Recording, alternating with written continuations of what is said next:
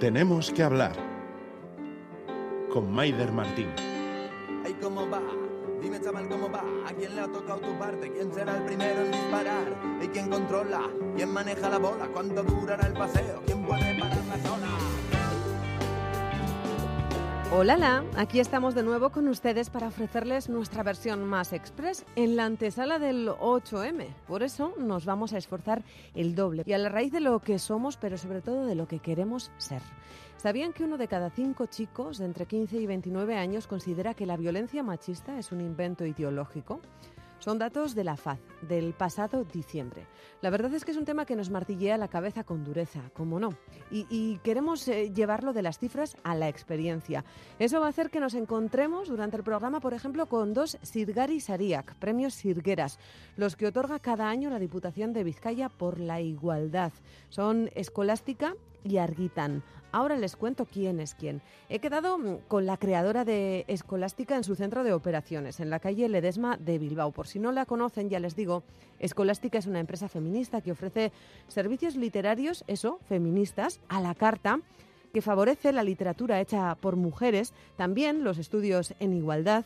Por eso, entre otras formaciones, Yosune Muñoz ofrece cursos en los que los jóvenes de ESO y bachiller pueden entender e identificar los tipos de violencias a los que están sometidas las mujeres por el hecho de serlo. Queremos saber cómo acogen los chavales estos cursos y si hay diferencia entre ellos y ellas.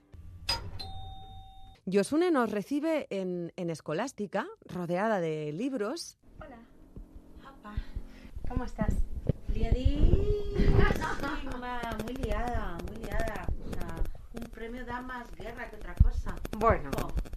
pues ve tú, estoy aquí mandándole a Laura Mintegui el Ya lo escuchan, no te dan un sirgari haría todos los días y esto genera, claro, trabajo extra. En eso está ella, a todo escribir en su ordenador portátil. La verdad es que ha costado cerrar la entrevista con Yosune, no porque ella sea una mujer ocupada, que lo es y mucho, sino porque he sido yo quien ha tenido que cambiar dos veces la cita, porque también para mí ha sido una semana muy rara. En otro país, en Medica, que es una ciudad fronteriza en Polonia, y esto es de lo primero que hablamos Josune y yo, de lo dura que es la guerra, de lo que nos cambia, de lo que nos hiere y de cómo la literatura también nos salva, pero post-conflicto. Va a hacer cambiar tantas cosas, ojalá solo yo hiciera cambiar esto, Dios mío. Y se va a notar en la literatura también. Siempre, luego dejará un reguero inmenso de literatura de las cicatrices. Mm, es una literatura muy, muy necesaria, con la que se hacen las, las eh, la cura de algunas heridas, pero que se suele dar cuando se acaba el conflicto. Ahora, por ejemplo, en el País Vasco estamos en, en, ebullir de literatura de las cicatrices del periodo en el que ETA estuvo activa y todo, toda la herida social que, que dejó y que, y, bueno, y que ha dejado. Es una forma de mirarnos, de encontrarnos también, ¿no? De, saber con más calma, de reconocer con más calma los porqués de algunas cosas, quizá. Sí, lo que pasa, sí, por supuesto. Y además, cuando hablamos de eh, situaciones y experiencias sociales que duraron tanto tiempo, que afectaron a tantas personas, que se, que se, que se extendieron por generaciones, no hay ninguna posibilidad de que un libro pueda contener toda la versión de eso, ¿no? Es demasiado complejo. Entonces, eh, hay tantas experiencias, se vivió de tantas maneras distintas, así que mm, contarlo es, es hacer el mundo. Y que se cuente en el suficiente número es lo suficientemente, importa lo suficiente como para que el mundo en su complejidad esté reflejado, sobre todo además si si están las mujeres contándolo, porque siempre es distinto. hablamos de literatura de conflicto, literatura de guerra, literatura bélica, ¿no? O posbélica. Eh, pero hay otra literatura, ¿no? que también está en conflicto y es la de las mujeres. ¿no? Sí. En conflicto porque nunca se ha puesto el foco sobre, sobre eso, ¿no? el conflicto no es tanto con la literatura de las mujeres, sino con el sistema literario que recibe la literatura de las mujeres como literatura mm, parcial, eh, menor, eh, sí, pequeña, mm, cargada de estereotipos, a las escritoras eh, cargadas de, mm, de, un montón de cargas literarias que no les corresponden. Sí, la literatura, el sistema literario está en guerra contra las mujeres, es así. Pero es que es que hay una obviedad que, que, no siempre se destaca lo suficiente.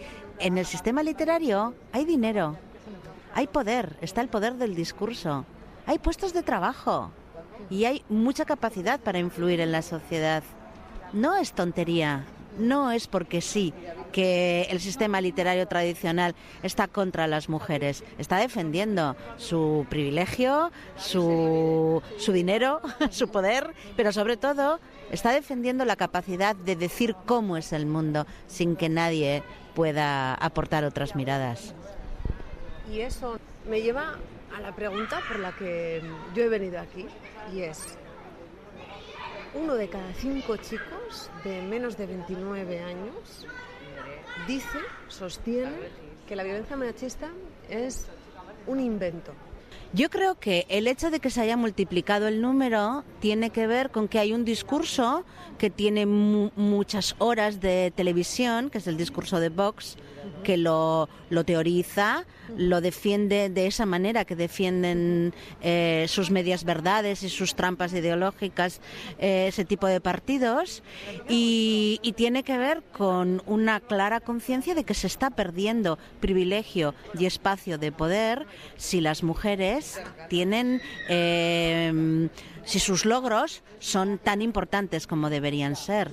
Y además de eso me decías, haces eh, formaciones a chavales en educación de género, podemos decir. A ver, eh, Escolástica está en los institutos trabajando sobre todo las miradas en los cómics, la manera de visibilizar que hay varias maneras de mirar el mundo y ponerle un contexto a hablar de la mirada feminista y reivindicar el feminismo. Pero creo que a mí me da mucha más clave para comentar este tema que a ti te preocupa y que es tan preocupante, la otra formación, que es aprender a distinguir las violencias contra las mujeres, cuántos tipos hay, cómo se dan, eh, también usando cómic, que es mi principal herramienta metodológica, pero también series de televisión lo que más les llega a ellos. Sí, claro, son generaciones absolutamente visuales y hablarles en su código, que son imágenes poderosas, es, es, buscar la eficacia.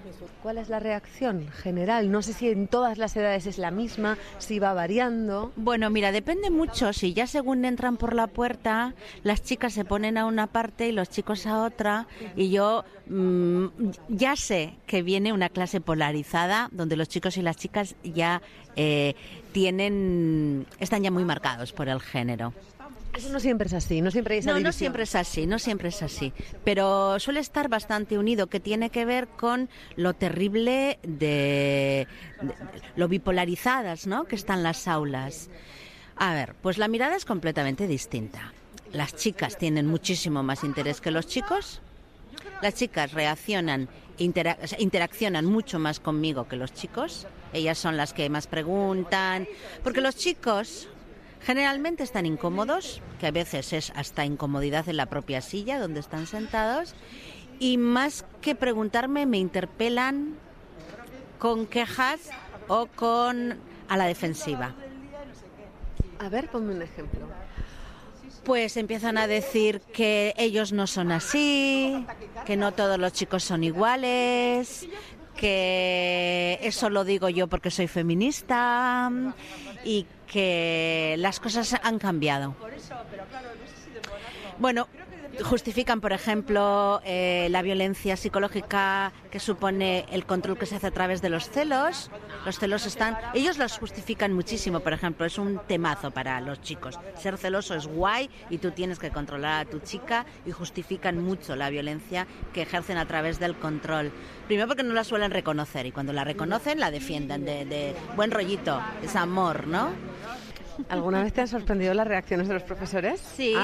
Los profesores hombres, pues lo más habitual es que se sienten bastante atrás y los he visto que se han pasado toda la sesión con el móvil. y no han mirado la pantalla y claro, a mí me dan ganas de decirles, es que los chicos te están mirando y sí, o sea, has desconectado por completo de lo que se está contando aquí, ¿no? Y las profesoras están muy atentas a cómo reaccionan las chicas. Y cuando en algún momento se habla de material delicado y las chicas lo identifican y se dan codazos de esto, esto sí, esto pasa en clase o esto pasa entre nosotras, ellas están muy atentas a esas señales que, de reconocimiento de violencia que hacen las chicas. Es fácil acceder a ellas y sobre todo a ellos para hablarles de violencia. Yo creo que la metodología les llega intensísimamente y la verdad es que llevamos muchos años haciéndolo y el boca a boca de instituto en instituto hace que yo esté muchas mañanas del año trabajando esto.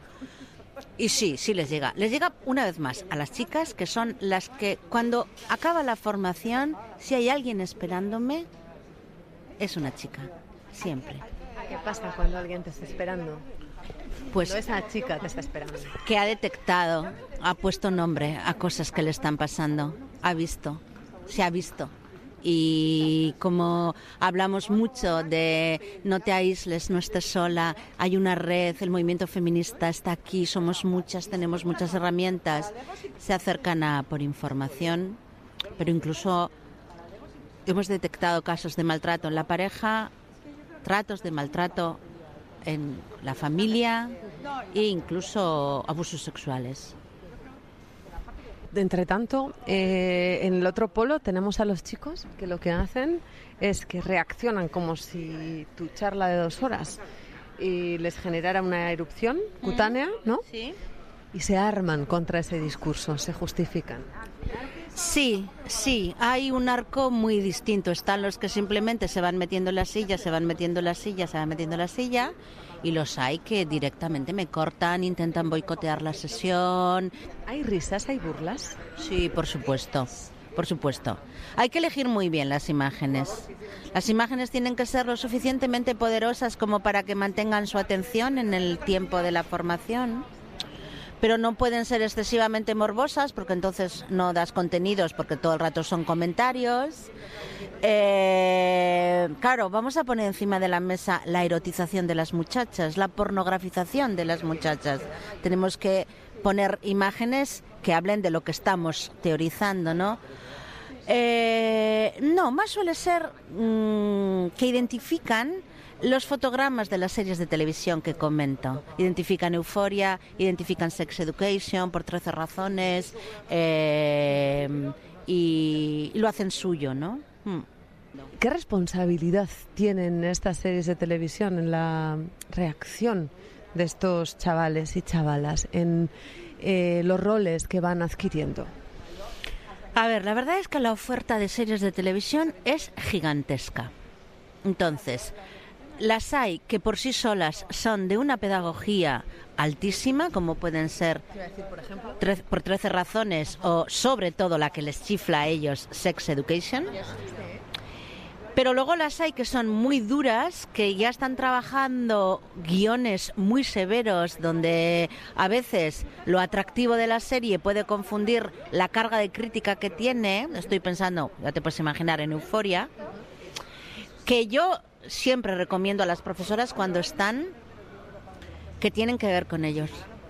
O sea, creo que un material como Euforia eh, es una magnífica oportunidad para que padres, madres y criaturas, adolescentes, se junten a ver el mundo juntos y a comentar el mundo juntos. Yo he vivido mm, experiencias muy interesantes con mi hijo adolescente, viendo juntos Euforia y escuchando cómo veía él Euforia y cómo comentaba él Euforia. Fue muy sorprendente. Em, creo que no estamos aprovechando las series de televisión en la herramienta para hacer puentes generacionales que son. O sea, yo cuando una madre está preocupada por euforia, porque sabe que su hija está viendo euforia, que son madres que sus hijas están viendo euforia, por eso es todo lo que me ha llegado, yo siempre le digo, siéntate con ella, pregúntale cuál es su capítulo favorito y siéntate a verlo con ella. Y que luego te cuente por qué es su capítulo favorito. Aunque flipes, aunque esa realidad aumentada con la, la esa narración tan poderosa y tan tan hipnótica que tiene Euforia te eche para atrás y aunque te parezca que está todo eh, tan tiene esa pátina no tan atractiva siendo tan duro creo que mm, hablar de violencia con las muchachas a través de las series de televisión es algo que se puede hacer también en casa no solo en los institutos me decías al principio, cuando te he preguntado lo que me traía aquí, que no te sorprendía que, que hubiese aumentado y que ahora uno de cada cinco chavales eh, menores de 30 eh, estén estas, que dice que la violencia de género no existe. Viendo cómo el rechazo que sienten a que les interpeles y, por supuesto. ¿Esto ha ido aumentando con el paso de los años, ese rechazo a este tipo de formaciones? No, no. A ver, hay que tener en cuenta que claro, te llaman de un instituto, a mí me han llamado de institutos de todo el País Vasco, aunque es verdad que donde más trabajo es en Vizcaya. Pues evidentemente te llaman de institutos donde una parte del profesorado o lo está trabajando o lo quiere trabajar, pero desde luego hay sensibilidad, lo cual ya habla de un tipo de perfil de sensibilidad de todo el instituto, ¿sí? Entonces, ya, o sea, yo, que conste que yo accedo a alumnos que un mínimo de trabajo han recibido con respecto a esto, ¿sí? Lo... Yo en la calle no sé cómo sería. Quiero decir, eh, las mujeres feministas que bueno las personas feministas que trabajamos en formación de violencia contra las mujeres tenemos que tener mucho cuidado con nuestro trabajo porque produce mucho rechazo masculino. Entonces yo en la calle hace mucho que dejé de intentar hacer nada porque porque no porque estoy en la calle y porque no me da la gana. Porque sin contexto eh, hay una constante falta de respeto a, una mujer como alguien que sabe de qué habla, ¿no? Se llama el mansplaining, seguro que lo has vivido.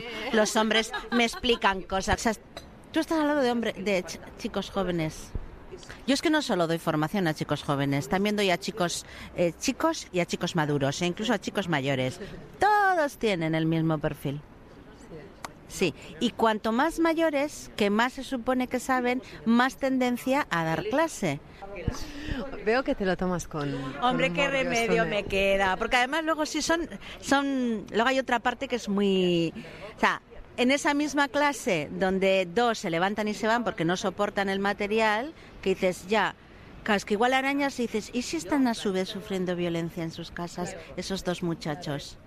O si uno resulta que ha tenido ya toques de policía, que eso me lo han contado, porque casi le tuvieron que poner una orden de alejamiento porque era un acosador. Entonces, pero eh, de esa misma clase, pues luego hay un comentario fantástico, ese es uno de mis comentarios favoritos de... Pues esta tía será feminista, pero de cómic sabe un huevo.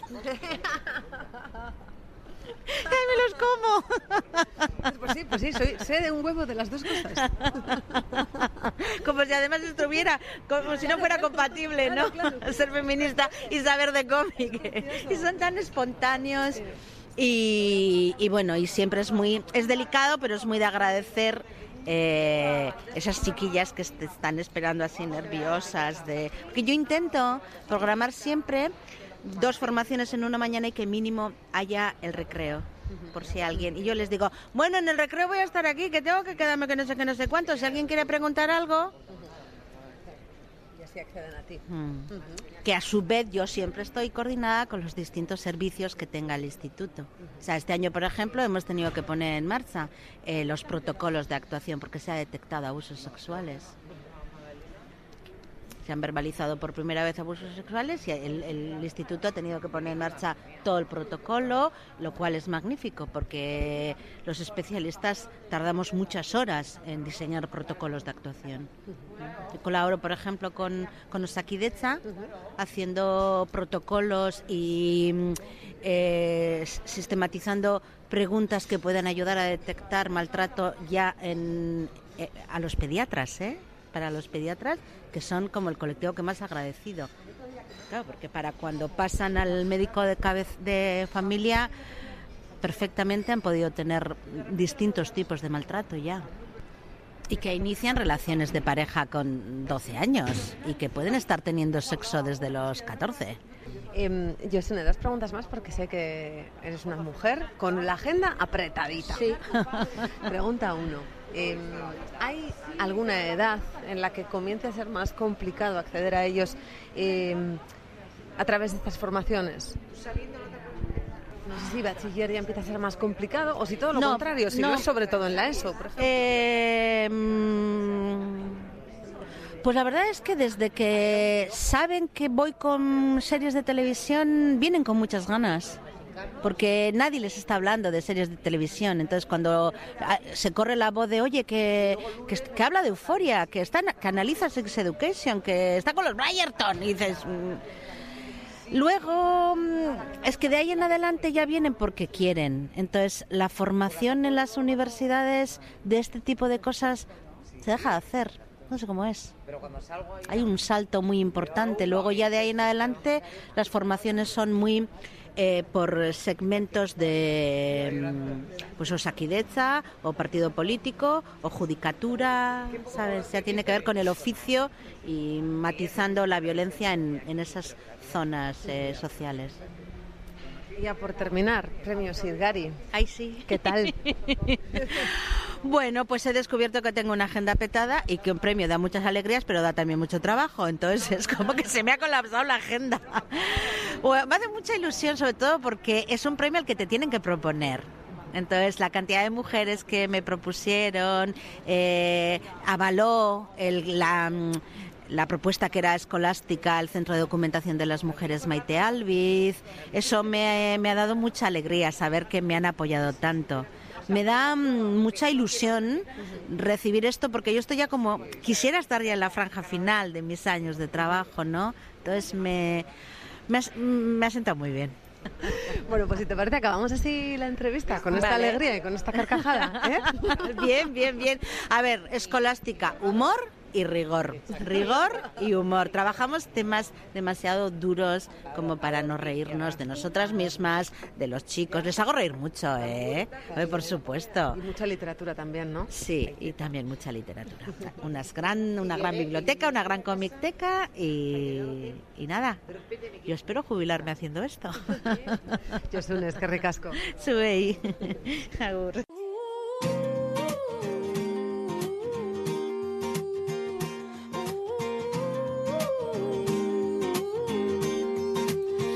She was walking in the street, looked up and noticed he was nameless, he was homeless. Bueno, pues como en este tema Alicia Kiss, nosotras también seguimos caminando, porque les decía al principio, esto iba y va a ser un dos por uno. Nos quedan las segundas interlocutoras ganadoras del premio Sirgueras de este año. Ellas me esperan en Baracaldo. Son el colectivo Arguitan. Llevan 25 años asesorando a las mujeres. La mayoría de las que acuden aquí lo hacen porque están en riesgo. Sufren violencia ejercida por un hombre en sensación y situación de superioridad a, a una mujer por el hecho de serlo. Desde hace dos años trabajan sin subvenciones. ¿Cómo estás? Pues ya me ves corriendo como siempre. Así que Bueno, ella es Mireia, la actual portavoz de Arguitan. Llega corriendo. Realmente no venimos aquí por la buena noticia del Cirgari Saría, sino por otro motivo muy marcado. Tuvo lugar en el centro de esta ciudad, que por cierto es la cuarta más grande del país, una violación grupal a una mujer joven. Y como el lenguaje es perverso, hay que recordar que una violación grupal son muchas violaciones perpetradas por distintos hombres a la misma mujer. Dos de ellos ya han ingresado en prisión preventiva y eran dos tipos, y son dos tipos muy jóvenes. Tienen 20 y 23 años. Nos sigue sorprendiendo y dejando muy frías estas edades. De esto estamos hablando con Mireia. está haciendo un recopilatorio de, de las últimas agresiones en estos dos meses, eh, que solamente que se hayan hecho públicas han sido ocho agresiones y eh, mirando las edades de los detenidos, ninguno superaba los 40 años. Por lo tanto, eh, está claro que, que, hay, que hay algo en común y que es que los agresores son cada vez más jóvenes. Está claro, algo está, algo está ocurriendo. ¿Y qué está ocurriendo? Es complicado, pero tiene al menos un motivo triple. Por un lado, el incremento de discursos populistas vinculados a la ultraderecha. Por otro, los bulos incentivados por las redes sociales, que son, además, en muchos casos la única fuente de información de los chavales. Y el tercer motivo es la necesidad de los hombres jóvenes de una contranarrativa frente a la de las mujeres jóvenes que de manera palpable, cada vez más, se determinan feministas. Arguitan es uno de estos colectivos que más convoca y saca al foco público estas agresiones que se denuncian ante la policía que se denuncia y lo que sale a la luz pública son el 2% de, de, los casos de, de, violencia que sufren las mujeres. El resto eh, de situaciones violentas que viven día a día las mujeres están totalmente invisibilizados y nunca van a salir a la luz pública y más del 80% de los casos ni siquiera se van a denunciar. Por lo tanto, estamos hablando de un problema de primer orden, de un problema estructural y nosotras como colectivo feminista lo que creemos y lo que vemos es la necesidad de visibilizarlo y de sacarlo a la calle. Por eso no quieren que se confundan las violaciones como las que sufrió esta mujer joven con otras cuestiones como que estos agresores son viejos conocidos de la policía. Estas declaraciones que lo único que hacen es eh, generar confusión con respecto a lo que es la violencia machista, confundiéndola con delincuencia común y hablando de delincuencia común y de poniendo el foco donde no lo es. De lo que estamos hablando es de agresiones contra mujeres por el hecho de ser mujeres que hay una sociedad y un sistema que lo justifica y que a través de este tipo de declaraciones flaco favor nos están haciendo las mujeres, porque nosotros lo que necesitamos son realmente medidas, recursos, acciones de sensibilización, de formación feminista, sobre todo en las instituciones y en las administraciones para poder enfrentar de una forma eh, coherente y eficaz eh, este tipo de situaciones. Bueno, pues para tener las cosas claras, tengamos la edad que tengamos, hay que leer mucho a veces. Para eso hemos quedado con una amiga.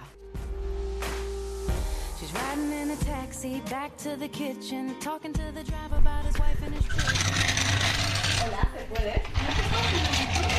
Estás guapísima, pero ¿por qué? ¿Y qué haces por aquí? Pues nada, mira, ¿ves este micrófono? No es una antorcha. Vengo a grabarte. ¿Qué tal? Pensé que me ibas a llamar. No, no, no, no.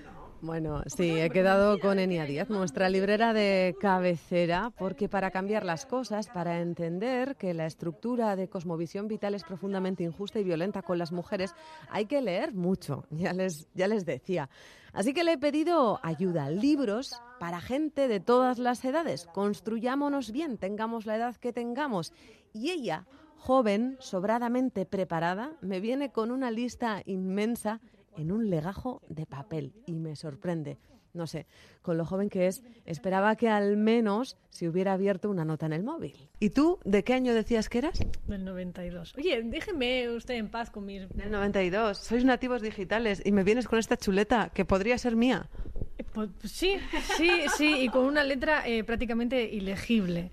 Y tengo una chuleta porque... Mm, Jo, es que podría hablar de, tantos títulos. Entonces vamos a ir por partes porque la chuleta es larga. Empecemos por el principio. ¿Qué has traído? ¿Un poco de todo? Em, he traído un poco de todo, em, empezando un poco por el principio, que es eh, Aitayama. Que al final la juventud se educa en casa y en los centros escolares. Y si las personas adultas de referencia no están eh, no digo formadas debidamente, pero que utilicen el vocabulario mm, no adecuado, eh, al final eso lo, o sea, de pequeñas somos esponjas. Y absorbemos absolutamente todo. Entonces, eh, he empezado un poco por ahí. O sea, por instruir a padres y madres. Para eso, para que aprendan herramientas a la hora de, educar en, en, el no sexismo, para que aprendan ellas mismas eh, y, ellos mismos qué es el género, qué es el, sexo, qué es algo machista, cuáles son las actitudes que pueden dañar. Eh, entonces va un poco por ahí. Eh, a mí hay dos libros que me gustan mucho y espero no cansarme nunca de recomendarlos, que son em, Educar en Feminismo y Educar a un Niño en Feminismo, que son los dos de la misma autora, que es de Iria Marañón. Mm, me encantan, son simples en vocabulario, los veo em, maravillosos tanto para Itayama como para profesorado. Porque vienen los conceptos básicos, vienen explicados muy sencillos, vienen un montón de ejemplos y vienen actividades. Em, tanto de visionado de películas y luego qué preguntas hacerles, como eh, algo tan sencillo que a mí me encanta, el coger a tu hijo o hija y que dibuje la familia. Es arrollador ese ejercicio cuando ves a la mujer con una fregona y al hombre con las llaves. Em, y me, me encanta porque es súper esclarecedor. Además que mm, los chiquillos siempre eh, juegan con esa inocencia. Es, es muy guay. Eh, luego ya me he pasado un poco más a adolescencia, que podemos eh, hablar de Historia Ilustrada de Feminismo, que es un libro muy curioso en, en formato apaisado, con, con apuntes, eh, como si estuviesen hechos a, a mano.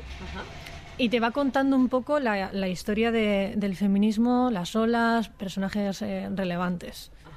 Si seguimos por ese lado de, mm, de ilustrados, el de feminismo para principiantes de Nuria Varela, siempre, en todo momento.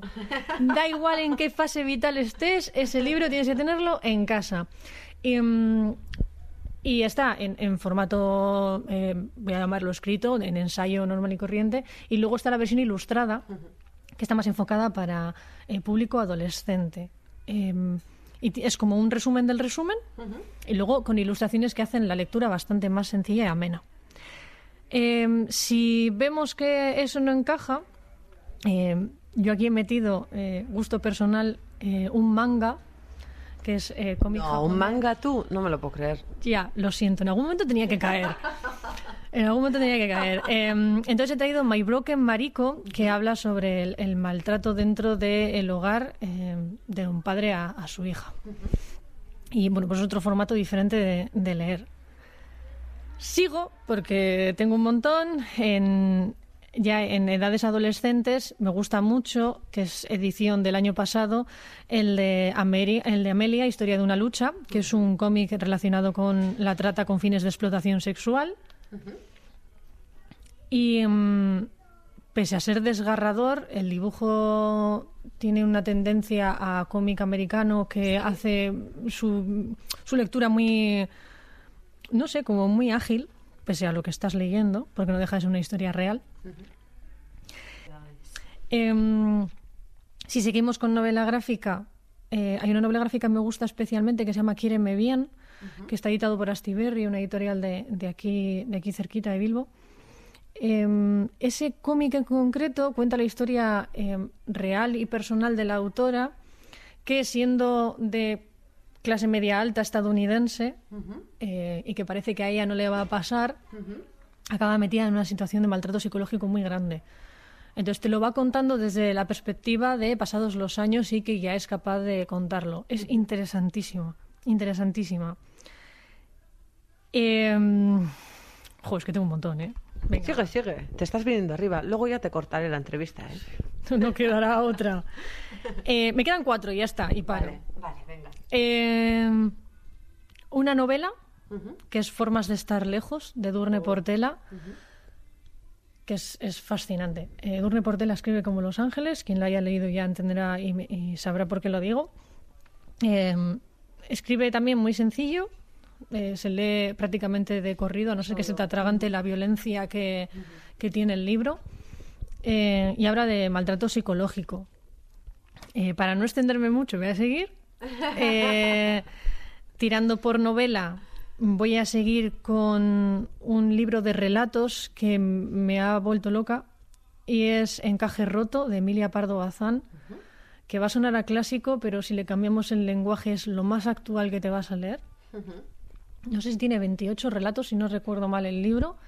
Me parece eh, fascinante tanta violencia eh, ejercida hacia las mujeres de tantas maneras diferentes, porque te puedes topar con violencia vicaria, violencia simbólica, violencia eh, física, eh, psicológica. Eh, es un- brutal el libro, además, como ya te digo, son relatos, máximo pueden tener 10 páginas y lo puedes trabajar tranquilísimamente.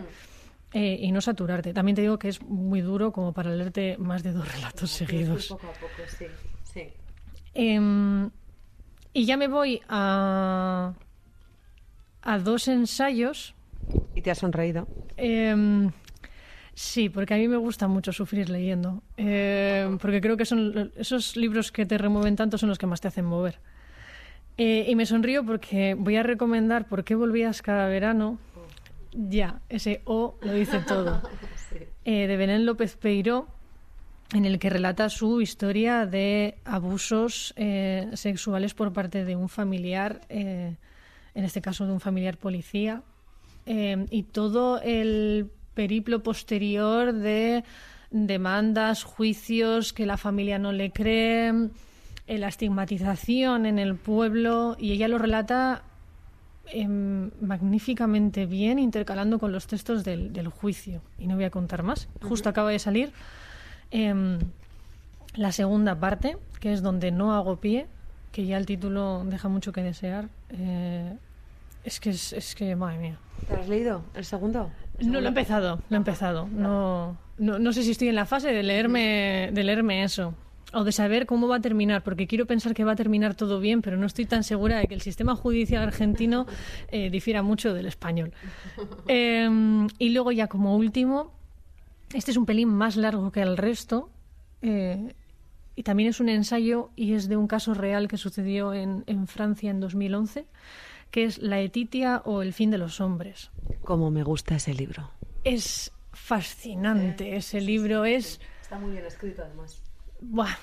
Eh, el caso es muy crudo, pero lo utiliza simplemente como una excusa, aunque suene un poco eh, mal, lo utiliza como una excusa. Kaisho, Hola. pasa, pasa. es que está entrando gente en la librería, claro, porque estamos aquí. Em, Dale. Pues eso, que lo utiliza como una excusa para analizar la sociedad y hacer un recorrido de cómo eh, una sociedad como es la francesa puede mm, permitir que una mm, chavala de 17, 18 años, creo que cu- cuando pasa, acabe siendo eh, violada y descuartizada. O sea, hace un, un, un análisis mm, arrollador, magnífico, eh, desde un montón de, de aristas diferentes. Desde momento, todo eso. Detallado y brutal. Eh, ¿Cómo está lista? ¿Te has quedado a gusto, no? En IA 10. Sí, porque no me quedaba más papel. ¿Cuántos, cuántos libros han sido al final? A ver, 1, 2, 3, 4, 5, 6, 7, 8, 9, 10, 11. Pues tenías que haber quedado en 10 y hacer honor a tu apellido. Ya está bien, genial. Bueno, es que ricasco, gracias por la confianza, ¿eh? Es lo que tiene ser librera de cabecera, que siempre vamos ahí toc toc, nos echas un cable. Así que nada, hasta la próxima o qué? Ok, yo he comido un café, os digo todos los libros que queráis. Hasta la próxima. Mi Asker.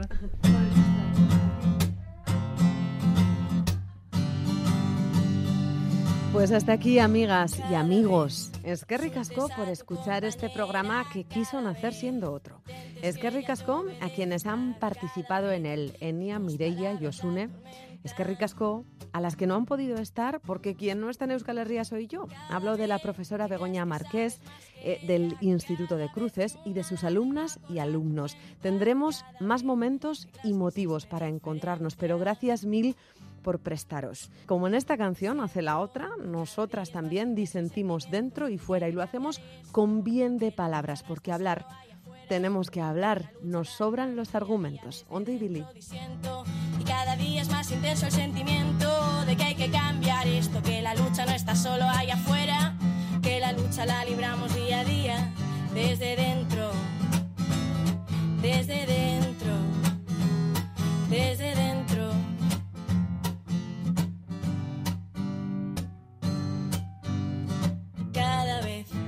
después de una noche de placer haces como que no te acuerdas que esto no es Pacha Ibiza, te recuerdo por si no te has dado cuenta. Cada vez que una voz no vale lo mismo según de quién sea. Cada vez que reparamos en estas cadenas y no tiramos todas juntas para romperlas, disiento. Cada día es más intenso el sentimiento de que hay que cambiar esto, que la lucha no está solo ahí afuera, que la lucha la libramos día a día desde dentro, disiento.